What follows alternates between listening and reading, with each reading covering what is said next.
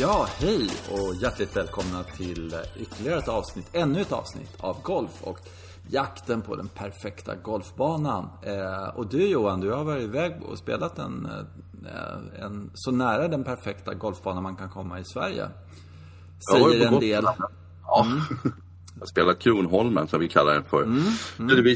Någonting. Så att, ja, precis, det är, det är väldigt nära en, en perfekt golfbana. Och ähm, ja, men det, det, är en stor upplevelse. Och det som är mm. lite kul är på något sätt att eh, de har blivit så bra och dragit dit så mycket intresse. Så nu det, bara, det känns som Gumbalde som ligger i närheten är bra på. Så man hör, ja, ja jag blivit restaurangchef på Gumbalde. Man hör att de, att de taggar upp och det, det tycker jag ska bli spännande. Jag, ja. Även om jag aldrig spelar Gumbalde. Så. Ja, det har jag. Det har jag. Ja, det har du? Mm. Mm. Oh, ja. Mm. ja. Eh, det var inte så mycket att skriva hem om då. Men däremot så var det kul för att det är liksom eh, eh det som jag pratat om hundra miljoner gånger. Det här att det är, det är en golfbana mitt i byn liksom. Det är en skön känsla kring den ja, banan. Mm. Eh, mm. Och sen så är det ju då eh, eh, golfarkitektguden på Gotland över alla andra, Pierre Fulke som har gjort och Adam Mendningsson. Eh, som, har, som har uppdaterat den också då. Så att, eh, ja. Den, det, alltså, det kan nog bli rätt bra. Jag hoppas det. Ja. Och så, så har ju de här två filurerna då också skapat någon plan kring det här med Visby GK, Kronholmen och sådär. Eller flera planer är det faktiskt. Det är en massa mm. grejer. Men det har ju inte hänt så mycket där. Och det, nej, nej, det hade inte gjort det. Nej, det har inte hänt så mycket. Jag kan inte riktigt. Men jag tyckte det lät som att det, det kan vara Länsstyrelsen, det gäller strandskyddet och sen på ett annat ställe så är det ju medlemmarna som ty tycker att nu går det för fort. Och det kan jag förstå när man har mm. en så himla bra bana. Alltså, ja. Sen ska de hålla på och rota i den. Det är för att det finns ett svagt hål liksom. Men, mm. men Mm, ja, men det, alltså det här att fixa det svaga hålet ska ju få så stora konsekvenser. Det är fyra hål eller fem hål som ska dras med i förändringen. Och den, den tror jag, det kan bli för stort. Alltså. Men mm. så länge, än så länge verkar det ha fastnat i alla fall. Mm, mm. Ja, jag vet inte. Det är, eh, det är trean de pratar om som är svaga ja. hålet. Som de också anser är det svaga hålet. vet man ju aldrig. Kanske. Mm. Nej, och lokalbefolkningen har ju mycket enklare lösningar på det där. Att man liksom slår på andra sidan vattnet och kan få ett kul par fyra. Men eh, ja, det, ja, det kanske, ja, jag tycker också att det verkar som att de har ryckt tag i för många hål och pekar på att det här gör vi till par fyra till fem och det här ändrar vi si och så. Så att, vi får se. Det. Mm. Men däremot så en, en reflektion som även du hade efter spel i helgen där just mm. att vilken otrolig bana man kan pres presentera så här års. Måste jag ja. säga. Ja. ja, ja. Mm, det, mm, jag tror att det är ett nytänk bland greenkeepers och sådär om att Förr i tiden pratade man alltid om att ah, det blir så mörkt, det är så lite solljus i oktober, speciellt november brukar det vara så. Men, mm. mm. men jag tror att jag har upplevt någon gång att jag varit på någon golfbana i juli där de är väldigt försiktiga med, ja, för, för då ligger solen på så hårt istället. Då kan ju man mm. klippa ner här när det torkar ut men det gör det ju inte under hösten. Att, mm. det är ganska klara så man känner sig mycket, mycket tryggare egentligen. Ja, men jag tror nu också den här hösten har det varit eh, väldigt varmt på nätterna. Så att det där med frost, det har väl dykt upp någon gång kanske. Sånt. Men, men det är väldigt varmt. Eh, det är ungefär samma temperatur dygnet runt verkar det som. Det där med solen verkar inte spela så stor roll. Eh, nej men jag var ute och spelade eh, Västerled. Eh, och jag har ju varit medlem där sedan Dackefejden känns det som. Och det var eh, det var den bästa grinen jag har spelat på där någonsin. Alltså som jag kan minnas det. Det är helt sjukt fina griner. Och sen så alla såna här nedslagsmärken som har varit sen tidigare och allt det där. De var liksom eh, det var som det reparerades bara så här blixtsnabbt. Man såg liksom inga skador från, eh, aha, nu har de här flaggan stående för länge på något ställe, bla bla bla, sådana här saker. Utan det var helt perfekt. Ja, men det, jag tycker det är jättespännande. Och, eh, ja, jag var ju som sagt på, på Kronholmen och det, det blåste, ju, blåste rätt kraftigt första dagarna. Det var nog någonstans 10 sekundmeter, mm. någonstans 9-10, kanske lite mer. Och tre gånger samma runda så, så flyttade sig min boll på grund av vinden. Alltså blåste iväg, inte särskilt långt men ändå. Så att jag, ja, och det här har aldrig hänt mig förut. Och, mm. Eh, och, och det här är ju liksom en liten tankeställare för att lite mer vind och då hade vi fått gå, det hade inte gått att spela. Men, nej men nu blåste min boll av green igen, vad gör jag? Du får hålla i den medan du puttar. Nej det funkar inte. Mm. Eller jag vet Någon har stannat ändå liksom. Mm. Nej men så att, så att, ja, det var intressant. Så där har på något sätt, nu är ju Kronis är ju någonstans som en, eh, som en linksbana, ligger vid havet och jag vet ju att när man spelar The Open så på brittiska öarna, då, de vågar inte heller klippa eller få upp för stor hastighet. Det, det är en sån begränsning finns det ju. Mm. Mm. Ja, det är spännande när, när, man kommer för långt åt det hållet. Men det är roligt att putta på, fantastiskt att spela på. Det var jättekul. Mm. Ja, kul. Eh, kul att man kan spela bra, bra golf i, eh, alltså det var ju eh, jag kanske minns fel men, men det var så här, jaha, spelar du golf i oktober? Det var ju en stor fråga för eh, tidigare, men det är det ju inte längre. Utan, eh, och det märkte jag förra året framförallt då när det var den här pandemin och allt det där. På att folk, vi var ute och spelade i november och det ösregnade och det var i stort sett fullt på banan. Folk har blivit dumma i huvudet helt enkelt, precis som jag. Ja, men det, det, det är andra effekter också. Det, jag kommer ihåg den här eh, sjund, omkring 7 september, någonstans första veckan i september, då, då tog de ju fram den riktigt stora hålluftningsmaskinen på Ja, ja, ja, ja just det. Ja. Kom, så det låg korvar kvar liksom på grejen. Så, mm. Och det var ju en slutsignal för det. Sen gick det ju inte att putta. Liksom. Helt omöjligt. Mm. All, alla visste om det. Nu berodde det lite så här på att den här greenkeepern hade, han tyckte det var bra för då var den ledig den maskinen. Så det, ja, mm. varför tror du ni leder då? Okej, ingen annan vill ha men Men, men det var alltså väldigt mycket tidigare som man sa, äh, nu måste skötseln ta över och nu kommer inte grinerna, måste vi göra den här extrema åtgärden. Alltså. Mm. Sådana åtgärder gör man ju inte längre, gudskelov. För att, eh, att få det där att växa ihop innan nästa års april, det var helt omöjligt. Ja, inte april heller tror jag. Nej, man såg Mike. ju det ja. eh, i april, maj där, så såg man ju de där lufthålen eh, från förra, liksom förra september. Ja. De fick så mm. jävla mycket stryk. De var ju riktiga sådana korvar som kom upp. Och det var viktigt att man skulle lufta på något sätt sådär. Ja. Eh, eh, eh vad var det jag tänkte på? Eh, ja, men vad kul att du hade roligt där då. Eh, eh, kunde du spela någonting då? Alltså, hur funkar spelet? Ja, men det funkar hyfsat. Det gjorde det mm. verkligen. Alltså, kul. Det, det var kul. Och sen, ja, man börjar ju fundera över den här fysiska dimensionen eftersom vi dumma nog att spela två runder varje dag. Mm. Sådär. Men Ja, nej, men jag, det tyckte jag var okej faktiskt. Mm. Det var det. Uh, det kom ut någon bil sådär för någon hade ont och så var det. Men mm. mm. det var inget överdrivet. Uh, och sen, sen beror ju naturligtvis det på också att det är ju inte några jättestora berg på, på Kronholmen. Man, man går lite upp och ner men det är inte särskilt mycket. Och sen så är det ju fantastiskt bra mark som hela tiden håller sig precis lagom fuktig och alltså, mm. det är lite turf sådär som man gungar mm. fram på ett skönt mm. sätt. Uh, man, det, det, kan ju vara värre att det, liksom, man går till knäna i vatten och sånt där. Mm. Det har ju regnat en del den här hösten så mm. det skulle kunna vara så. Men inte så mycket faktiskt. Jag märker det ute i skogen och sådär. Jag var ute, det var ju otroligt torrt fortfarande så att... Eh, jag ska, ja, ja, okay. ja, så att det har inte kommit den här riktiga rotblötan ordentligt sådär. Du, ja, vi snackade i förra avsnittet så pratade vi bara eh, Ryder Cup. Eh, och då börjar man ju tänka sen efteråt om Ryder Cup och liksom sådär. Och eh, då börjar jag tänka på eh, nästa Ryder Cup i Italien och vem som ska bli kapten. Och så börjar jag kolla så här, vad har gjort att, eller vad har det varit för konstanter när Europa har vunnit tidigare sådär. Och vem skulle kunna bli kapten? Eh, och då började jag tänka på de här eh, sannolika mm, valen till kapten. För de hade vicekaptener då. Eh, det var sådana här som typ Martin Keimer, Graham McDowell, eh, Sten som var ju kapten, Luke Donald och Robert Karlsson. Jag tror det var dem. Och så snackade de rätt mycket om att Lee Westwood eventuellt skulle kunna bli kapten till den här gången. Är du med? Ja, men jag verkligen. Ja, jag okay. förstår. Ja, ja. Det är någon fördröjning i så här, vi kan inte prata i mun på varandra. Det är ganska sådär. Men det är ganska ja, bra kanske. Ja, för det, då, men skit i det. Eh, och så börjar jag titta på sådär. Vad, vad är det för typer som, eh, vi har, som har varit kaptener när vi har vunnit liksom sådär.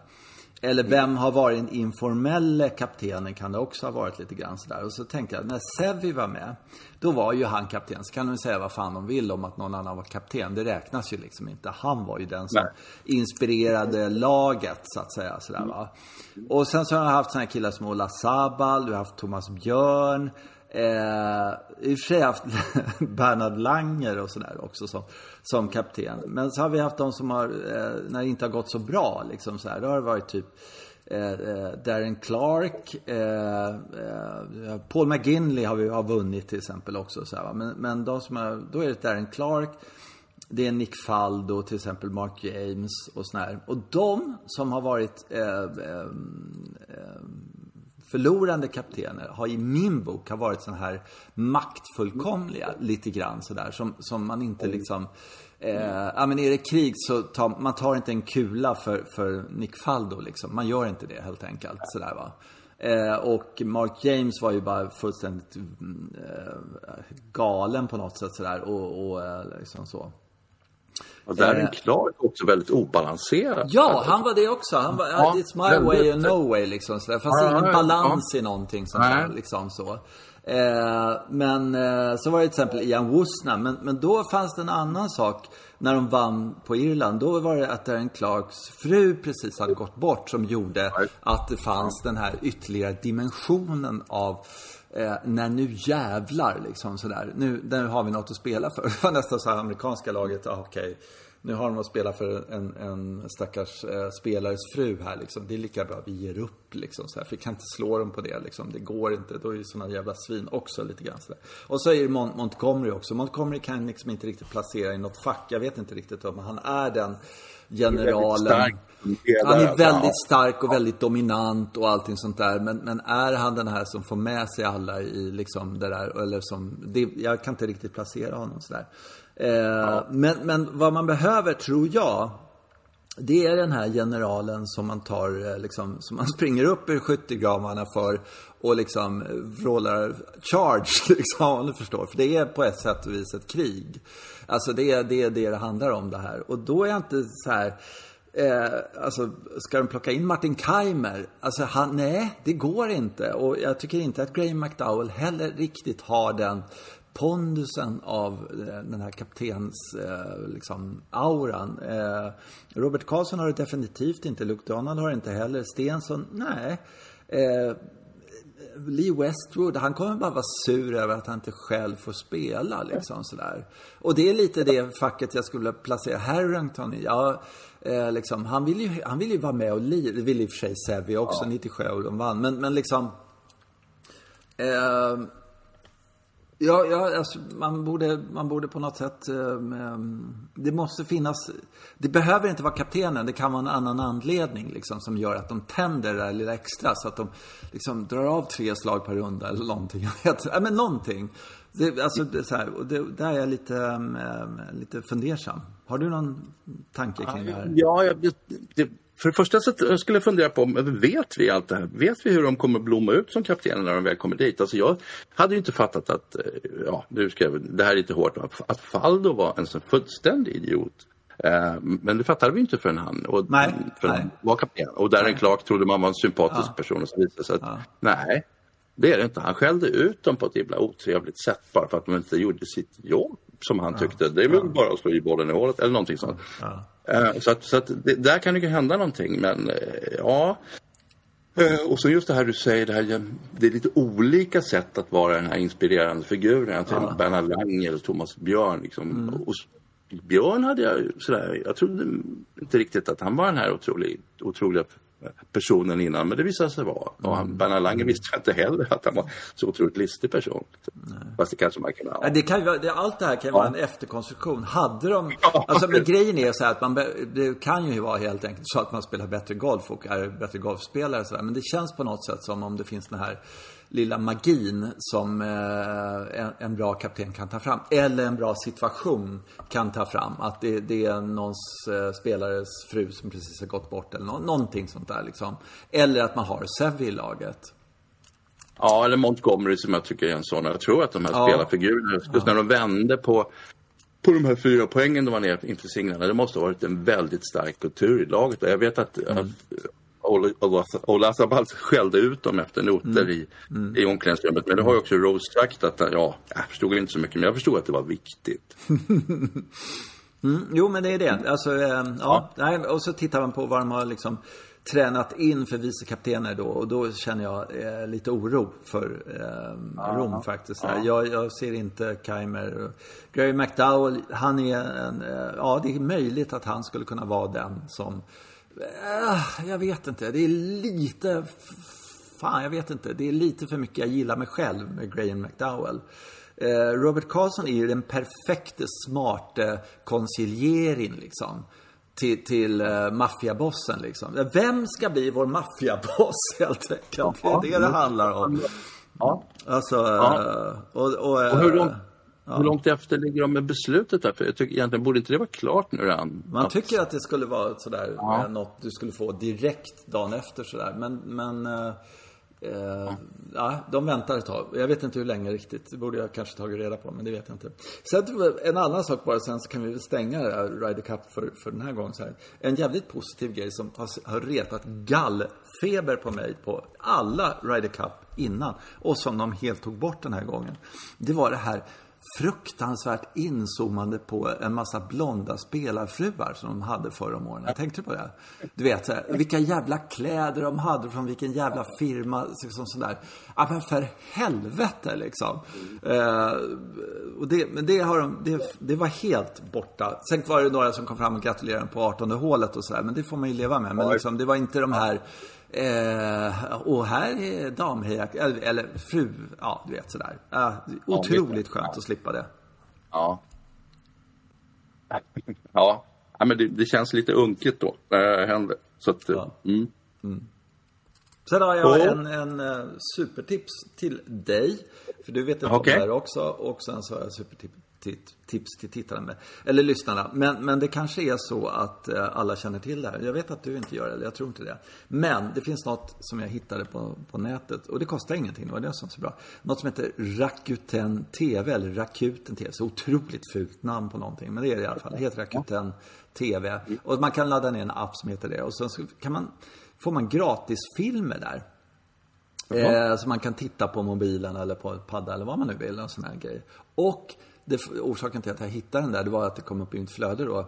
Eh, och eh, det är en dokumentär som har kommit ut, helt ny den, om Severiano Ballesteros och hans ja. liv. Ah. Eh, mm. Och alltså den är så välgjord eh, och den är så, alltså det finns massor med saker som man missat i den också som man kan liksom bli helt skogstokig på och sådär. Men varför tar de inte med det och varför tar de allting sånt där. Men, men eh, det, är mass, det är otroligt rörande och eh, eh, fantastiskt. Och där finns eh, ett klipp också som man kan hitta på YouTube också naturligtvis. Men det är från Birkdale 1976, tror jag att det är. Han spelar mot Johnny Miller och det är första gången han spelar The Open. Eh, och han kommer två eller tre eller någonting sånt där efter Johnny Miller. Men han spelar med Johnny Miller i ledarbollen. Han leder inför sista dagen. Och så kommer de tror att det är 17 eller om det är 18 hålet. Eh, och så har den en chip, den här när den studsar bollen tre, fyra gånger och sen går på en smal, smal gång mellan två bunkrar och rullar ja. upp. Alltså, som är det, i min bok det bästa slaget som, som jag kan tänka mig. Därför att det, inte, det är under press han gör det här slaget. Därför att han, om han kommer, eh, gör han par där kommer han tvåa. Han vinner visserligen inte men han kommer tvåa i eh, The Open. Eh, när han liksom chippar fram den bollen på det där sättet. Och den är så iskall det här slaget. Eh, så det är nästan, det är, det är o, ah, Jag har bara spolat tillbaka och tittat på den tio gånger. Man kan titta på den hur många gånger som helst. Jag bara önskar att de hade liksom timme om det här slaget bara. Ja. Mm.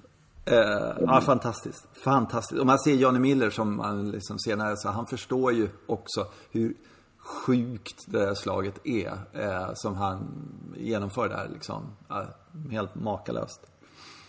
Eh, ja. Rakuten ja. TV. Man kan väl, ja, man kan väl tillägga här, det här vi pratat om förut, men att några av de bästa slagen som någonsin har slagits har ju slagits av Severiano Ballesteros. Mm. Och även av de som de här spelarna runt omkring elitspelarna berättar om, så då är det ofta Sevi som kommer upp. Det där historien om Nick Faldo, det, det är så sjukt det här han gjorde. Han har en bunkervägg framför sig och flaggan någon meter bakom. Så slår han, han slår rakt in i den här bunkerväggen, alltså med järnhätta så den studsar upp och lägger sig till en meter. Sen, ja, alltså, det, ja. att, det måste ändå finnas vissa konsekvenser av att han inte får till det där slaget. Mm. Så. Men då lyckas, lyckas, han på något sätt börja tänka att nej, men jag är Severiano Ballesteros så att bolljäveln vågar inte göra annat än upp och lägga sig på green. Slå Ja, ja. Ja, men, ja, så är det absolut. Mm. det, det var väl därför han funkar som han gjorde. Ja. Nej, det, är, det är verkligen... Eh, ja. Den här eh, liksom, känslan av att tänk om. Sådär. Att det, den inte finns. Alltså det, han har inte den genen i, i kroppen. Hade inte det under en period i alla fall. Att, eh, det är jävla häftigt. Jävla häftigt. På den nivån att inte ha det liksom. Ja, det är galet. Och sen fick han ju alla de här negativa tankarna mot slutet där. Eller Mm. en väldigt lång period när inte ingenting funkar. Liksom. Utom chippning och puttning gjorde ju förstås det. Mm. Det, Långa- ja, det var en ny grej jag lärde mig. Eh, Det var ju det, orsaken till att han hade dålig rygg. Det var ju hans elaka jävla bröder. så han var ju yngst och så hade de bråkat med honom eller någonting sånt där. Han for in i någon stol eller vad det var, sånt där, när han var åtta eller någonting sånt där. Och fått någon jävla knäck eller någonting. Eh, och eh, det var det som hade liksom eh, sabbat hans karriär sen. På, eller sabbat, men, men försvårat hans karriär. Eh, Och han fick hänga och hålla på i evigheters evigheter med den här ryggen. Liksom, sådär. Och det funkade, men, men det tog sin... Där och, äh, det är många grejer ur den äh, dokumentären som är, äh, Tom Lehman berättar om när, när de spelar Ryder Cup och äh, de skickar ut Sevi som etta liksom sådär och hur han kämpar för att visa liksom vägen att hans spel är helt under isen, han kan inte spela golf och ändå så Nej. spelar han de första nio liksom. Han, han bara vispar ut allting åt helvete. Och därifrån gör han minst par hela tiden. Sådär. Eh, och, och det går liksom i nio hål och så till slut så funkar det inte längre. Men just den fighting spirit så här, Jag har inget spel, men jag tänker göra allt. Alltså, ja, den inställningen så här. Alltså det, det är nästan som man börjar böla när man tittar på den här faktiskt, måste jag säga. Det är otroligt rörande. 54 bast blev han, tror jag. Ja, 54, ja någonting sånt. Ja. Mm. Otro, ja, det är ingen ålder alls. Nej, nej. Nej, Det hade varit, eh, om han hade liksom varit kvar, du vet, då hade de kommit tillbaka till honom och, ja, du vet, eh, sådana här klipp och, eh, ja, sånt där som man gör med, golf är jävla bra på det sättet att alla andra sporter, är det 100 meterslöpare eller något sånt där, du är bäst i världen, hyllad superhjälte och sånt där och sen så eh, kommer det sjua i något mästerskap så är du bara borta sen. Så hör man aldrig om det där. Liksom. Golf så tar man ju upp alla gamla spelare, seniorer och liksom Champions League och ja, allting sånt där. Om du är en major-vinnare liksom. I väldigt många av dem i alla fall. Så där. Det är väldigt kul sport att åldras i. Du får väldigt mycket uppmärksamhet fast du är liksom 80 bast. Det är rätt otroligt. Ja. Mm. Jag har ett svingtips till exempel från en, en sån 81-åring eller vad han är. Ja, vadå? Kul. Ja, det var, jag hittade på nätet igår, Lee Trevino. Tydligen, det var någon som hade konstaterat, man hade sett Lee Trevino stå och slå bollar på någon range. Och de- flyger tydligen hur rakt som helst. Han, han har fortfarande förmågan kvar, han slår inte så långt naturligtvis. Eh, men så hade han sagt att ja, eh, ja, för att hjälpa, kroppsrotationen är naturligtvis jätteviktigt och den blir inte bättre med åren. Liksom. Hur, hur gärna man än vill så kommer man inte vrida upp så bra, man får inte undan höfterna bakåt. Så där hade han flyttat sin högerfot lite bara bakåt från linjen om du förstår vad jag menar. Lite, lite, så. ja. Inte vridit ut den men bara dragit den lite tillbaka. Och då var det mycket enklare att få, få, få runt kroppen bakåt för att sen få igång svingen. Liksom. Det är lite kul med tanke på en kille som stod precis tvärtom när han var i sin storhetstid. För då stod han ju liksom med öppen stans. Så då måste han ha låst backswingen ganska mycket. Men det var ju en helt annan kropp då. Liksom. Ja, ja. Ja. Fan vad smart. Mm. Så det, och det där tror jag är ett väldigt bra tips. Ja, inte bara för oss gamla människor utan lite alla sådär överhuvudtaget att få igång svingen, få igång rotationen, få, få undan höfterna lite, undan högerhöften lite. Det blir allting som, det är som en ny, ny värld som öppnar sig. Så att det där, det tycker jag var smart. Fan vad smart. Ja, det ska jag prova. Eh, du hann inte kolla någonting på Danny Links med andra ord? Ja, det hade jag inte tid med.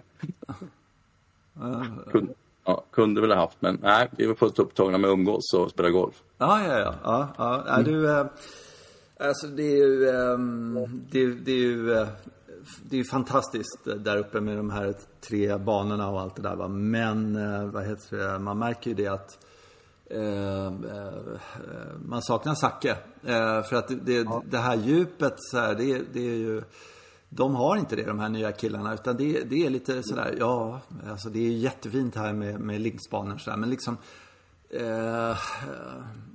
hela den där bygrejen liksom, till exempel att byborna eller de som är skrivna där spelar eh, Old Course för liksom en fjärdedel av vad alla andra sp spelar för och liksom att den är stängd på söndagar. Eller som det var någon av dem där som sa så här, ja, när du skulle vara, försöka vara lite sackig så här, ja, bredvid den här banan så ligger då eh, nya banan och skatta lite och den är från 1905 eller 1896 eller någonting sånt där.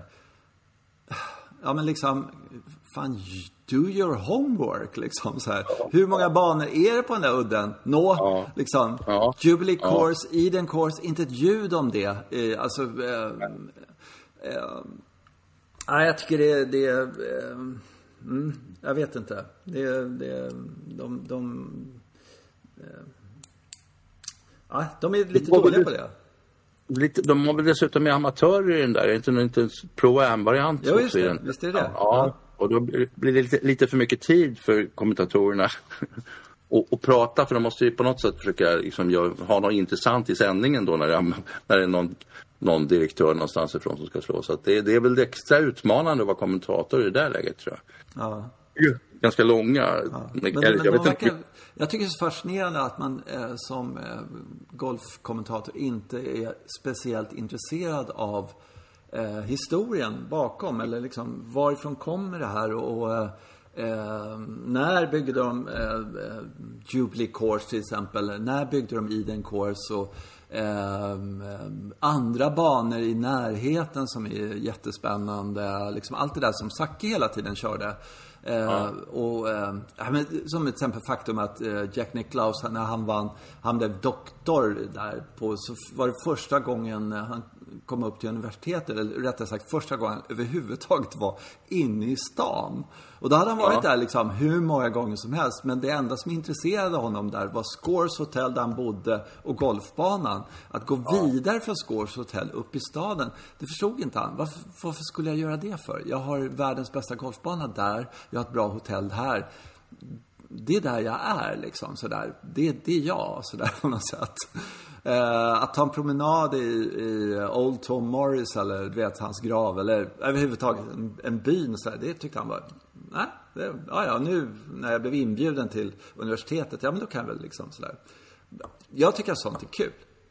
Ja, det är skoj. Det är skoj. Det påminner mig om Andrew Agassi. Han var och spelade Stockholm Open när han var 25 år gammal.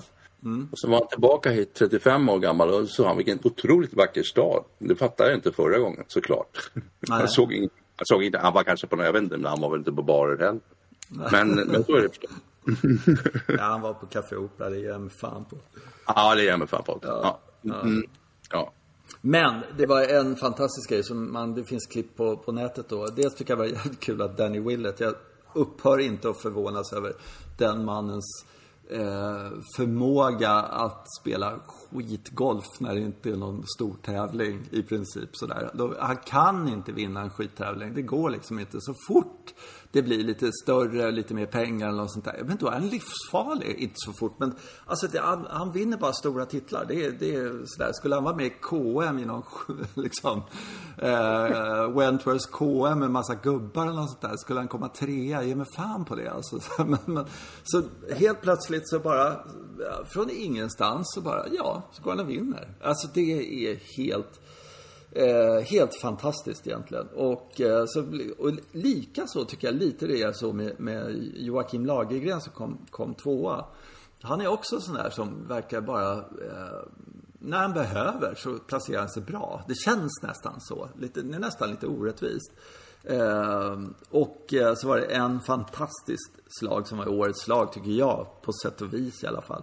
Eh, Alex Norén kom till 17 och sen så slog han ett dåligt utslag, hamnade i ruffen. Slog ett ännu sämre slag därifrån, hamnade kort 17 bunkern. Mm. Men på absolut kortklippt sådär som de har där, det är ju green kortklippt där. Och så stod flaggan precis där över, du vet, där den alltid står och sådär. Och sen så slog han ett flopshot därifrån. Inte jättehårt tempo, utan mellanhårt. Eh, och det har man sett folk göra. Men grejen var att när, när hans eh, eh boll landade så, så bara, den, den bara landade där och stannade där. Liksom. Eh, och det måste ha varit sån fruktansvärd skruv i den så den, liksom, den fick inte studsa. Och så var det bara en tap-in för par liksom sådär. Eh, ja. Och det är också sådana här slag som man... Vänta, hur gör han? Du vet sådär. Ja. ja. ja det är helt otroligt. Ja, för då är man ju, alltså man ligger sådär tight och så öppnar man klubbhuvudet. Då får man ju så enormt mycket bounce på klubban. Mm. Så att den borde han ju toppat i muren eller i bunkern. Ja, ja, ja, spännande. Han har ju övat mycket på de där, det vet jag. Jo, det är klart. Det, det var inte första gången han slog det här slaget, det kan jag Nej. säga. Men, eh, och det var inte tusende gången heller, det var fan miljonte. Men, men eh, det var... Eh, ja, just den här landningen på den här bollen. Det, det, jag har aldrig sett något sånt. Det var första gången jag såg någon som liksom bara hm, här ska den ligga. ja, nej, men han har ju stått och övat lite och slå bollen bak, bakåt över sig själv. I, i, mm. det, kanske, det är lite kanske samma slag. Ja, ja. Man försöker få klubban gå riktigt perfekt under och så. Ja, vad kul. Ja, mm. det var jävligt häftigt.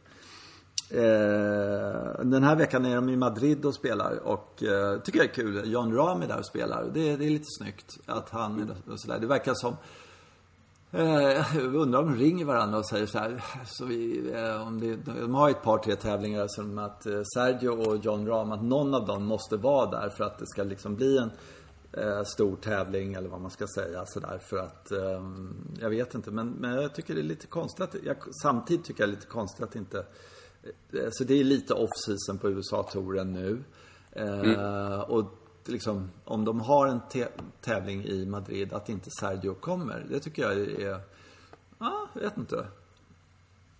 Ja. Och det, kan man, det kan man ju säga, det är säkert rätt skönt att, att vila lite efter Ryder Cup eftersom de spelade så mycket innan och sådär också. Så men, men, men, men, jag håller med, alltså, att inte stötta sitt nationella mästerskap som det nu är. Jag vet inte riktigt om det är, om det är någon annan tävling där. Men, men han, han behövs ju så oerhört mycket. Då. Han måste, måste vara rätt skönt för honom att Ram är där. Ja, det, det, det, då, då blir det ju, hade inte Ram varit där, då hade ju faktiskt eh, ja, men det, det, det, här stärker ju tävlingen och alldeles oerhört. Och då har de hela tiden världsstjärna. Man fattar ju det, hur viktigt det är med världsstjärnor, med idoler och allt det där. Jag har alltid tyckt det där, det här kanske är lite överdrivet, men liksom, det är den där Stenmark-Björn Borg-effekten. Liksom, den finns ju där även för oss som kommer från som inte håller på Ram eller Sergio kanske så jättemycket. Det, det, det är en jäkla grej att ja, men det här är en major-vinnare, nyligen major-vinnare som, som har kapacitet att vinna majors i fortsättningen också. Det är ganska, eh, det gör ju att tävlingen lyfter. Ingen snack om mm. saken. Mm. Så där har vi alltid haft problem här i Sverige med också med våra tävlingar. Så nej, kan inte komma hem och det är för mycket. Så, ja. Ja, jobbigt. Och Mm.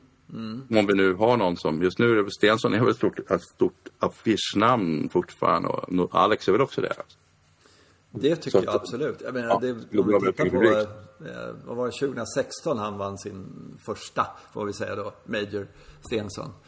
Det är ja. ju fem år sedan eller något sånt där. Det är ju ja. ingenting. Nej, det är inte så mycket. Nej. Uh, och uh, ja, nej, det är ja. Ja, det, vet, man tittar tillbaka på sådana här gamla tävlingar i Sverige från 80-talet ah, eller något sånt där. När det var någon slags bubbla eller host. Då var ju liksom golfen helt ointressant. Det var ju liksom England och, och, Sverige som folk brydde sig och Irland förstås som folk brydde sig om golf egentligen i hela Europa. Och, och eh, då var de här tävlingarna eh, de andra tävlingarna var det inte alls mycket pengar i. Så att de kunde verkligen konkurrera. Plus att de hade Volvo och allt vad det var. Men det, man kollar på tävlingar i Sverige. Det var ju liksom Fred Couples och, jag menar alla stora spelare var ju här helt enkelt. Eller inte alla kanske, men alla europeiska Nej. stora var ju, var ju på plats. Det var ingen snack om saken. Jag har sett Greg Norman spela Linköping. Det är en sån där ganska intressant upplevelse. Men jag, jag, tror också faktiskt att det inte bara som du säger att det bara handlar om alltså prissumman utan det handlar delvis också om att det faktiskt fanns en publik i Sverige. Mm, ja, det, är, ja, det är roligt. Det är inte kul att åka till Spanien på den tiden och, och bara, nej, vi är alldeles ensamma på banan hela tiden men det är en Europatävling. Mm. Men här finns det ju liksom det här, ja, John Daly, det här klassiska exemplet nere på Barsebäck när han spelat illa, precis klarat kvalgränsen kommer ut tidigt som fasen en morgon. Det står 3000 personer och bara hejar. Mm. Uh, han, han, tar upp en järnklubba med ett par fyra och säger nej, nej, driven skriker publiken. Okej, okay. han, han drev in. Det var inte mycket att göra. Så, att, äh, men, så golfintresset är väldigt starkt och det, det, mm. de känner det också. Det är kul ställe att åka till. Mm som Tumba också förstärkte genom att ta hit de stora personerna liksom, och ja. visa upp dem. Och så, mm, med sitt renommé världen över. Det är rätt intressant det där. Mm. Ja, jag vet fan. Eh, man, det, det verkar vara mycket hårdare, eller det är ju liksom, har ju blivit en världssport så att det är fler länder som drar, fler turneringar eh, som drar och eh, USA-touren också har ju blivit eh, dit man åker om man vill tjäna lite pengar också. Så att, eh, det gjorde man ju inte på den tiden på alls samma sätt. De var inte välkomna. Det var ju mycket svårare att komma dit också. Eh, eh för de europeiska spelarna, det fanns inte den kulturen helt enkelt. Eh, eh, då var det Europa som gällde om de skulle lira. Ja, och gjorde några försök men misslyckades och det var ju så himla stopp i deras karriärer när de kom över. Mm. För, det, för, det, var jobbigt att ställa om och det var jobbigt att vara så långt hemifrån. Alltså, per mm. Ulrik gjorde en sån grej. Han var ju riktigt stor som spelare här i Europa men så oh, ja. blev man ju en, nästan nobody där på andra sidan och sen mm. orkade han inte upp ur det där igen. Då. Nej. Nej, så att, ja. Det kändes lite chansartat att göra den satsningen. Det måste man verkligen känna på sig att ja, jag kommer att vara med och konkurrera. Nej, det, äh, nej, men det, ja, jag tror att sånt där är, äh, de som gör det, att äh, alltså byter miljö och klarar av det, det är ju riktiga världsspelare som verkligen klarar av det. Att oavsett förutsättningarna så är jag en bland de bästa. Eh, att liksom vara i den här familjära situationen som man känner till och bla bla bla och det är ungefär samma och där prestera. Det är en sak, men sen så okej, okay, nu är det upp och ner och nu ska du ändå leverera och och lyckas med det, då är man ju riktigt bra golfare. Då, då är man ju världsspelare. Så är det ja, Sen hjälpte det ju till lite också att de, att de hade spöat de där storspelarna. Mm som hade vunnit Ryder Cup ja, till och med på ja. amerikan. Då känns det lite som, ah, okej, okay, men jag, jag, jag, kan nog konkurrera här. Men, men, i början var det ju väldigt sådär så att de var lite storögda och små. Mm. Uh, kom från en liten, liten vattensamling liksom. Mm. Så att, och det där är nog svårt att ta sig ur när man är på helt okänd mark, eller okänd i alla fall. Mm. Jag, tror, jag tror de här världstourtävlingarna spelar jättestor roll mm. också faktiskt. För att, ja. eh, där är ju eh, liksom blandat från hela världen egentligen. Men säg att det är en hel del europeer som får liksom, testa sig mot Dustin Johnson. Och kan de konstatera, okej, okay, det skiljer tre eller fyra slag här mellan mig och Dustin. Det kan jag nog kämpa in liksom sådär. Att man får den och sen när man kommer över, okej, okay, det här är en tävling där han kommer att placera sig i toppen. Ja, men då kan jag nog klara kvalgränsen och sen, ja, då kommer man in i det lite grann sådär. Eh, så det är, de är närmare varandra nu på något sätt. Och som du säger, där med Ryder Cup tror jag har spelat jättestor roll också för självförtroendet för, för europeer.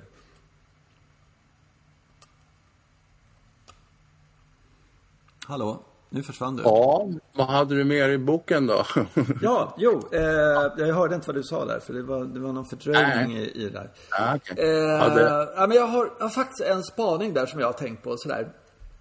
Har du tänkt på att eh, på nästan alla eh, golfbanor, vår och alla andra sådär, så, så verkar det som eh, eh, när man tränar puttning så, mm. så ska det alltid Eh, att alla puttinggriner som jag, liksom nya puttinggriner, så här Fulke eller eh, vad de nu heter. Alla, alla de här killarna så här, så ska de alltid ha puttinggriner som är superondulerade.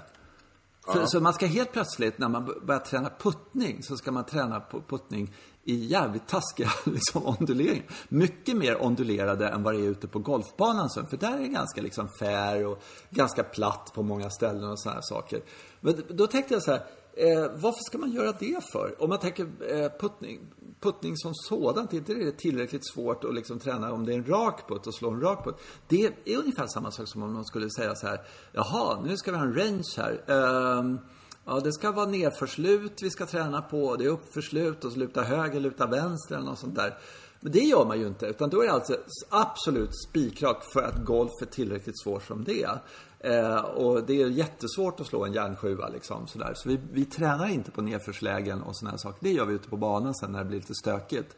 Eh, men, men eh, på putting green, där är det helt okej okay att det liksom alltid ska vara liksom break på alla puttar man slår hela tiden. Det är det som, eh, det är naturlag nu för tiden. Visst är det sjukt? Ja, det är lite sjukt. Jag vet inte, det var en massa olika grejer som kom upp i huvudet på en. Jag tänkte på, jag har ju råkat rita en green på Ågesta. Mm. Och, då, då skrek de åt mig, de här som kom förbi när jag stod där och mm. höll på att fixa. Det måste vara helt platt, helt platt, du får inte mm. luta någonstans. Ja, så att man lär sig. För deras idé om puttning var då att man lärde sig slå den raka putten, man lär sig starta bollen. Just det, precis. Ja, och, och sen var det så att ja, men jag tycker att puttning ska vara lite kul också, att det ska vara lite äventyr sådär. Så mm. att, men, mm, så att, men då gjorde vi någon slags, då sa vi så här, ja, den här ska vara så platt som möjligt. Då.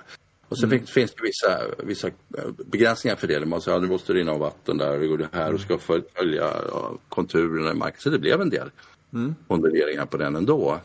Men man, man, ser alla ja. proffs, eh, så mm. står de, eh, och man får utgå från att de vet lite bättre än vad vi andra dödliga gör och så här. De står och tränar raka puttar. Eh, ja, det är det ja. enda de står och tränar på. Så där. De har sina snören och så lär de sig det där stroket och så. Och, och eh, nej, men jag tycker det är så konstigt att man liksom, ja, du kan, du kan göra en ondulerad Himala, Himala, Himalaya putting green sådär. Det är jätteroligt. Gör det och, och, så kan man gå där och ha skoj och så. Och man kan lära sig fall och sådana här saker. Men, men eh, det är väl fint. Men man måste ha en yta där man liksom lär sig att det här är en rak putt och hur slår jag den liksom. Sådär. Eh, eh, på samma sätt som en range är helt platt. Eh, för att man kan säga att det är jätteviktigt att lära sig slag i nedförsläge eller eh, ja du vet sådär, eh, järnfemmor från eh, luta höger, luta vänster. Ja men det ska vi stå och träna på sådär. Eh, det kanske är jätteviktigt men det är så jävla svårt så att vi lär oss grunderna först att slå eh, en järnfemma rakt eller med drå eller med fade eller sådär, från ett rakt läge. Eh, där på range. Jag skulle aldrig drömma om att göra en range, eh, driving range som hade lutande lägen liksom. Ja, det är ju Mount Tosky då. Han hade en maskin sådär som man, man stod på matta så man gick och vinklade åt olika håll och så skulle man lära sig det. Mm. Men det är lite som du säger, det är ju överkurs. Men jag tänkte på den här um, Stockholms GK. Kjellvinge hade ju Pierre Fouquet av en anledning. Han, han ritade en putting in där och den, mm den var ju som ett böljande hav. Och, jag, och, och där ty jag tyckte det var fruktansvärt kul. Alltså, det var ju så himla roligt att putta där. Och så mm. undrar hur man kan få stopp på den här överhuvudtaget och jobba med känsla. Men jag hörde många andra som sa, värdelös. Har du sett den där hemska puttingen? Mm. Och nu är den borta. Den mm. finns ju inte längre. Och de medlemmarna tröttnar ju på den här. Mm. Ja, men jag tror det. Jag tror att eh, svaret är, vi hade på Österåker tidigare så var det, eh, det här är kanske tio år sedan, då byggde de en, uh, ungefär där Lake House ligger nu. Där låg det en putting green. Det var i två nivåer sådär. Så fanns det en sån här svacka som man kunde liksom träna mot och så slå upp och sådär. Ja. Men, den påminner väldigt mycket om, om hur grinerna var kan man väl säga. Sådär. Eh, och där fanns det absolut raka lägen och sådär. Som det är nu med de här onduleringarna och sådär. Så ser man ju alla de duktiga, de som tror att de ska bli proffs, eller som kommer att bli proffs, vad vet jag. Eh, de står ju desperat letar, eller desperat, men de, de söker ju upp alla pla, plana ställen som mot förmodan finns. För att kunna träna på liksom stroket, att slå en rak putt. Men då är det ju inte, då är det inte på de grejerna som, som den nya som ni har fått, mm. då lutar det inte särskilt mycket. Eller hur? Utan Nej, det, det inte jättemycket, lite... men det är hela tiden allting, något jävla lut hela tiden. Så att man måste liksom gå där som en liten detektiv och säga jag hittar två och en halv meter här som är faktiskt där det inte, där har de glömt bort och lite så är det faktiskt. Så man ser att eh, ja. det, det, är väldigt populära ställen liksom att eh, men då är det ju också golfbanearkitekturen som lägger sig i det här för det finns ju specifikationer kring det där och det, det, man måste alltid få bort vattnet, ytvattnet från, från green och då, mm.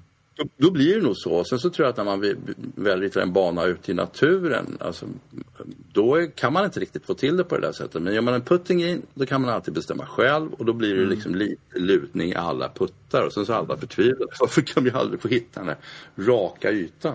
Mm. Mm. Ja, men jag tänkte, mm. jag, har tänkt på i Skottland och England och så. Ja.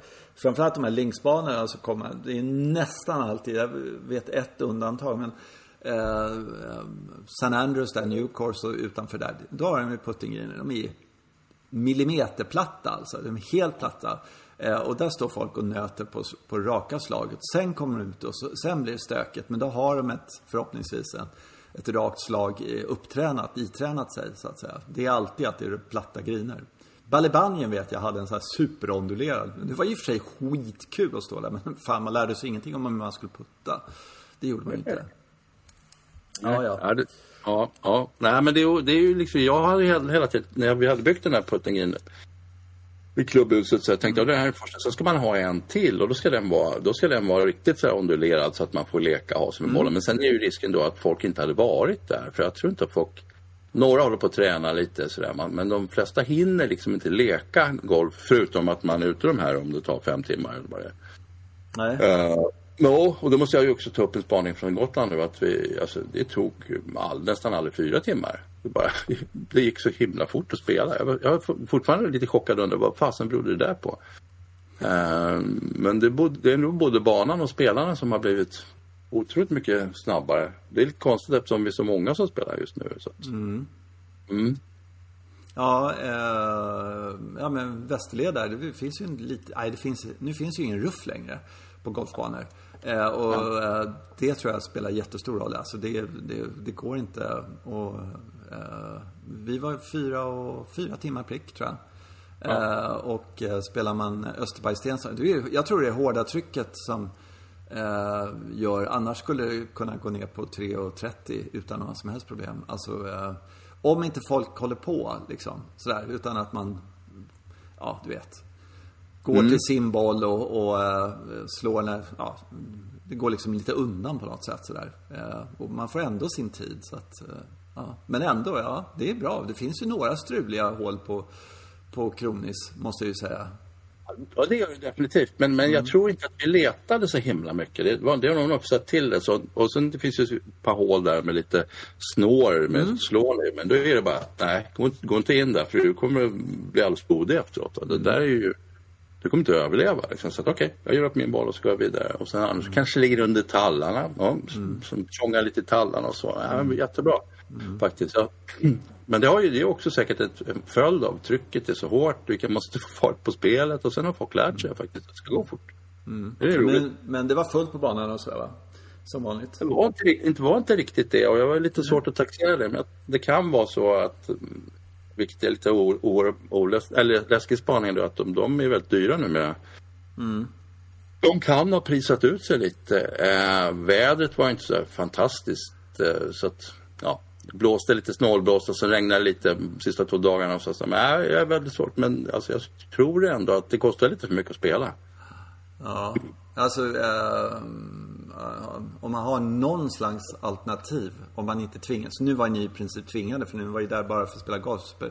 Men annars så, så eh, betalar inte jag liksom 1500 spänn om det är, är 60 procents risk för regn en dag. Det, det tycker inte jag det är värt. Då, då får man ner på 250 spänn liksom.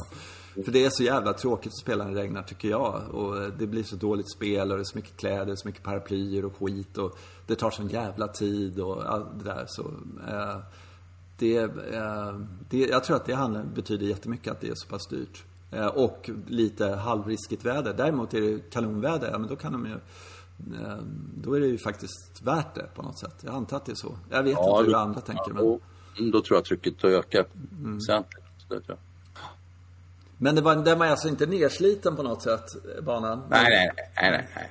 nej. Den var inte det är helt otroligt egentligen. Man ja. tänker på hur många idioter som har stått där på gul tid och vispat ut bollar under, under åtta månaders tid eller sju månaders tid eller vad det kan vara. sånt där. Och att det överhuvudtaget finns gräs kvar. Alltså det är, det är helt galet egentligen.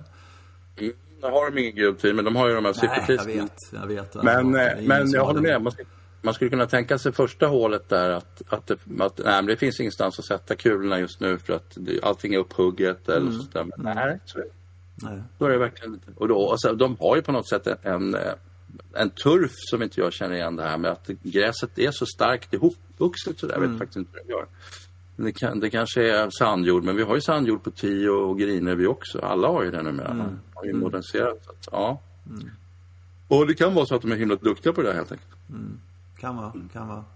Uh, i, i, i, har vi något mer? Har vi något mer? ja, vi... jag, kommit, jag tycker inte du har kommit med några svingtips här. Det hade jag hoppats. Du tycker jag, har inte du lovat det förra veckan eller något sånt? Ah. Uh, ja, jag, jag, såg ett, uh, jag såg en grej som uh, jag och Alex tydligen gör båda och jag fatt, du vet hur han håller på med sina konstiga rörelser och allt det där. Just det. Mm. Ja. Så såg jag något klipp om varför han gör de grejerna så här. Och det är för att han inte ska flippa vänster handled. För han, har, han är en flippare. Alltså när han kommer ner Jaha. till bollen så flippar han lite sådär. Och det är tusendels av en millimeter. Men liksom att gå igenom med bowshot nästan så att vänster handled är eh, konstant genom träffen då sådär. Så ja. håller han på med den där övningen hela tiden för att inte flippa den där jävla vänsterhanden sådär. Eh, och det där är mitt eh, go-to-fel också. Eller ett av mina go-to-fel är det där. Och jag tycker att det...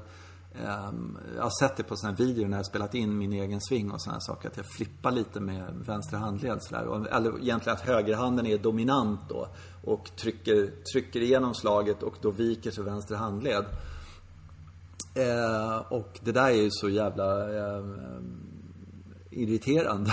Så det är vad jag jobbar på nu med min sving. Att liksom inte flippa vänster handled. Så att, eh, och jag har testat eh, Alex liksom rörelse som han gör. Så han överdriver den och sen så slår han liksom sådär. Eh, och det, det, är ganska häftigt att se att det, eh, det funkar faktiskt. Eh, bitvis i alla fall. Det är ett steg i rätt riktning. Men, Men och, mm. då Jimmy nästan började bara med den där för du menar den där utifrån inrörelsen? Ja, just det. För, och sen så att han går igenom med hela liksom, ah, överkroppen okay. på något sätt ah. och, och mm. releasar inte eh, klubban ja. efter träffen. Utan han liksom drar igenom eh, klubban i, i, i ja, sådär. Eh, och inte flippar igenom så att säga. Att det är vänster okay. handled sådär. Ja, men, men det, det, förut har man liksom undrat varför gör han sådär för? Men nu ja, såg jag en video. Ja, men, det orsaken mm. till är att jag är en flipper liksom. Det är det här min mm. go-to-grej sådär. Jaha. Så, ja. Mm. Eh, så jo, hade jag en sak till. Vi måste gå tillbaka till Ryder Cup där, eh, faktiskt. Vad säger du om att eh, det är 12 pix? Ja. Um, då, alltså jag tror att det skulle kunna funka jättebra men då är frågan hur pass jobbigt blir det att vara kapten när man måste välja ut hela laget liksom? Men du gör ju det i fotbolls-VM också. Ja, det gör man ju. Alltså, Janne ja. Andersson väljer ju hela svenska fotbollslandslaget. Ja. Så, att, så att det är nog bara en tillvänjning när de skulle, den som blir kapten säger okej, okay, nu betyder det att det är jag som väljer laget. Så får mm. ta den grejen. Så nu har de ju så, rätt så smörigt för att de kan säga ja, men jag valde inte ut den spelaren utan han gjorde ju några justeringar. Men annars är laget det de som har kvalificerat sig och så vidare. Så att, nej men det tror jag på. Det skulle vara en bra sån där um, jag vet inte, jag antar att de gör som de gör just nu bara för att det är så himla för, förmånligt att få komma med i laget överhuvudtaget. Ja, men jag har ju spelat bra och så vidare. Men det går ju att komma förbi det och jag mm. bör, mm. ja, skapa ett nytt system helt enkelt. Mm. Ja, jag, jag, eh, jag tänkte på sådär att eh, Westwood till exempel, han spelade bra i mars. Eh, mm. Och kvalificerade sig i princip då. Sådär, sen hängde han i lite grann. Så var han helt under isen jättelänge. och eh, överhuvudtaget sådär. Så kan man säga att han plockade med Polter och eh, han levererade ja typ sista dagen då. Sådär, en halv poäng innan eller något sånt där. Om ens det. Ja. Men, men liksom eh, just det här att man ska vara Alltså, det, frågan är om det skulle vara något annat sådär. Om det skulle vara Pix eller om man skulle ha sådär. Eh, två månader innan så börjar eh, countdown för det här. Och då är det de här tävlingarna du kan kvalificera dig på liksom. Och du får så och så många poäng på USA-touren. På det där. För att få ihop ett lag som är i form. Liksom. -huh. eh, och inte massa eh, folk som har spelat bra för ett år sedan. För det vet man ju liksom. Sådär. Och, och eh, skulle inte det vara en jävla cool grej liksom? Ja, alltså nu, nu, det jag känner nu då väldigt starkt är ju att nu är det för, lite för mycket diskussion om just själva uttagningssystemet. Alltså, det, kan, det kan vara roligt att ha saker och ting att snacka om, det vet ju du och jag som mm. behöver prata. Mm. Men, men det blir lite för mycket fokus på det, ja men vi gör på det här sättet, vi gör på det här sättet. Istället för, för att om du, vi skulle göra som du sa, vi avskaffar allt, hela den där diskussionen så, så kommer kaptenen med en lista och presenterar den i god tid. Det är de här som spelar Ryder Cup mm. och jag har mina 12 här. Så det, jag tror att det skulle ja, eh, göra det här skönt och sen fokuserar vi på hur det gick när de spelade. Liksom. Mm. Mm. Och kanske en månad innan eller sånt där. Här är tio spelare och sen så kommer jag presentera två spelare Eh, eh, ja, två veckor innan eller någonting sånt där. Ja. Som, som är i dödligt bra form eller någonting sånt där. För att det här att de gick från fyra picks. Alltså kaptenen eller liksom Europatoren och det är ju tre organisationer som är Europa då. Eh, det är Europa, PGA och sen England, PGA och så någon gång grej till. Jag vet inte vad det var. Men i alla fall, de kan göra det fan de vill.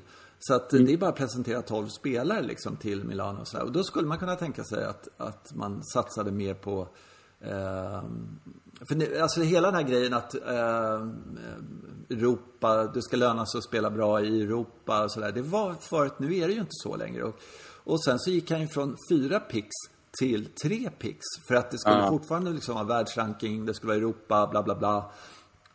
Och, och, eh, och, då får man ju en massa spelare som, eller riskerar att få en massa spelare som, som var skitbra i februari liksom.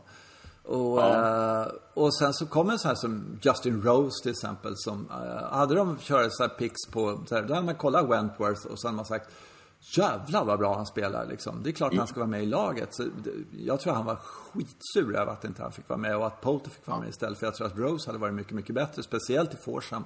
Oavsett vem han spelat med. Till exempel sådär. Alltså jag ja, vet inte. Jag, jag, jag, tycker det här verkar vara en, en sån här grej. Eh, som man skulle kunna diskutera. 12 pix rakt av eller 10 pix och... Nej, jag vet men, men Eller någonting annat. Jag tror att uttagningssystemet måste göras om. Ännu en gång. Ja, ja. Sen kanske ja, ingen man... vågar vara kapten Eh, om, ja, du får bli kapten här om två år. Och, och det, du ska veta att eh, eh, går det bra så är det spelarnas förtjänst. Men du får springa jävligt fort om vi förlorar. ja, man får ju alltid, ja, då får man blir hängd efteråt såklart. Ja, men ja. Jag kommer att tänka på Nils van der Poel som dök upp från ingenstans och skrinade hem eh, VM och sådär. Mm. Men hans upplägg hade ju, varit, hade ju då varit svårt. För nu är man ju tvungen att vara med, med hela tiden och mm. som du säger, och sådär. Så att, nej men det är riktigt. Det ska bli spännande. Men framförallt få bort fokus på det här. Låt, låt någon chef istället bestämma. Det här är landslaget. Mm. Europa. Mm. Ja.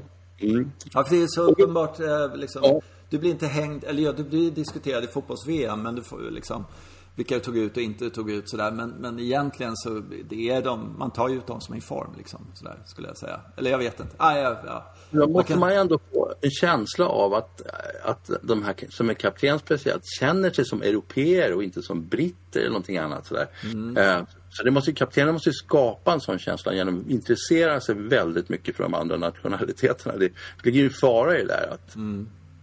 jag tog ut sju stycken engelsmän. Mm. Ja, då kan man ju råka lite illa ut kanske. Eller så fattar folk och säger ja det var den bästa spelaren, han tog dem. Mm. Ja. Han gjorde sitt bästa. Så ja. han gjorde så gott han kunde. Ja, och de här killarna de är ju liksom bara kapten för en dag egentligen. Sådär, eller för tre ja. dagar. Och sen så är de ju inte kaptener längre. Utan då, då går de tillbaka till sina civila yrken så att säga. Att de är golfspelare allihopa. Det är inte som Jan Andersson som bara är, är kapten. Uh, så det kanske är, jag vet inte men, men uh, jag vet, vi måste hitta den här edgen till nästa Ryder Cup så att vi kan liksom uh, Nu verkar de, ja, nej, det, nej, ja, ångest redan nu. Jag tycker det är jobbigt. Uh, fan, de var så jävla bra och de liksom bara lirar på. Bryson och DeChambeau ska spela en jävla uppvisningsmatch nu på över 12 hål liksom sådär någon underhållning och sådär. Jaha, fan då är de kompisar också skit. ja, men det, mm, det kommer, måste komma fram några monstruösa danska spelare eller någonting. Jag trodde mm. det var på väg ett tag. Mm. Sådär. Ja, det kommer till norrman plötsligt. Det är ju fantastiskt. Ja, det är helt otroligt. Helt otroligt. Flera, flera sådana. Ja, Välimäki och sådär. Vi kör Norden ja. mot världen eller ja, snart. Finländarna. Spanjorerna måste få fram en sån där, någon sån där trollgubbe igen. Det måste hända. Ja, de har ju fått faktiskt. Alltså, ja. hade inte Ram varit med, då hade det varit klart efter två dagar. Det är ju så jävla sjukt. Ja. Ja. Då hade de kunnat skita i singlarna liksom sådär. Ja, precis. Det där som jag varnat för. Att det är... ja. Söndagen kan ju bara sitta kvar i sängen. Mm. Uh. Nej, fy fan. Vad hemskt. Ah, ja, du. Eh, eh, nu får vi eh, eh, bättra oss här så vi kör på tisdagar som vi brukar. Ja, ja, det men, där. Eh, går inte bra, nej. det går åt helvete. Nej men eh, det är ju jättekul ändå. Så eh, vi säger så och så hörs vi om en vecka och eh, ja, sådär. Ha det bra. Hej då. Hej då.